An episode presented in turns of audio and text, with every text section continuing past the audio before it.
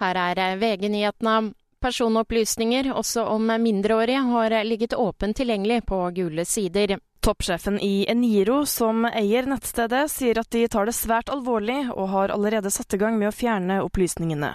Nordmenns fødselsdatoer har vært tilgjengelig i kildekoden på nettsiden til Gule sider, selv om de ikke var synlige i den offentlige resultatlisten, skriver Dagens Næringsliv. Reporter Miriam Alsvik. En person ble sendt til sykehus og flere til legevakt etter to leilighetsbranner i Oslo i natt. Til sammen 50 personer ble evakuert fra brannene som var på Sankthanshaugen og på Ilam.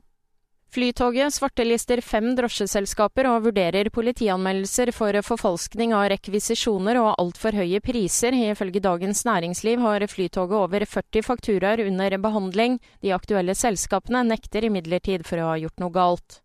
I Polen har ukjente gjerningsmenn utført sabotasje mot et godstog. Gjerningsmennene kom seg på toget og tømte ukrainsk korn fra åtte vogner utover skinnegangen, opplyser politiet til polske medier. Bakgrunnen antas å være polske bønders protest mot import av billige landbruksvarer fra Ukraina. I studio Kristin Strand, nyhetene får du alltid på VG.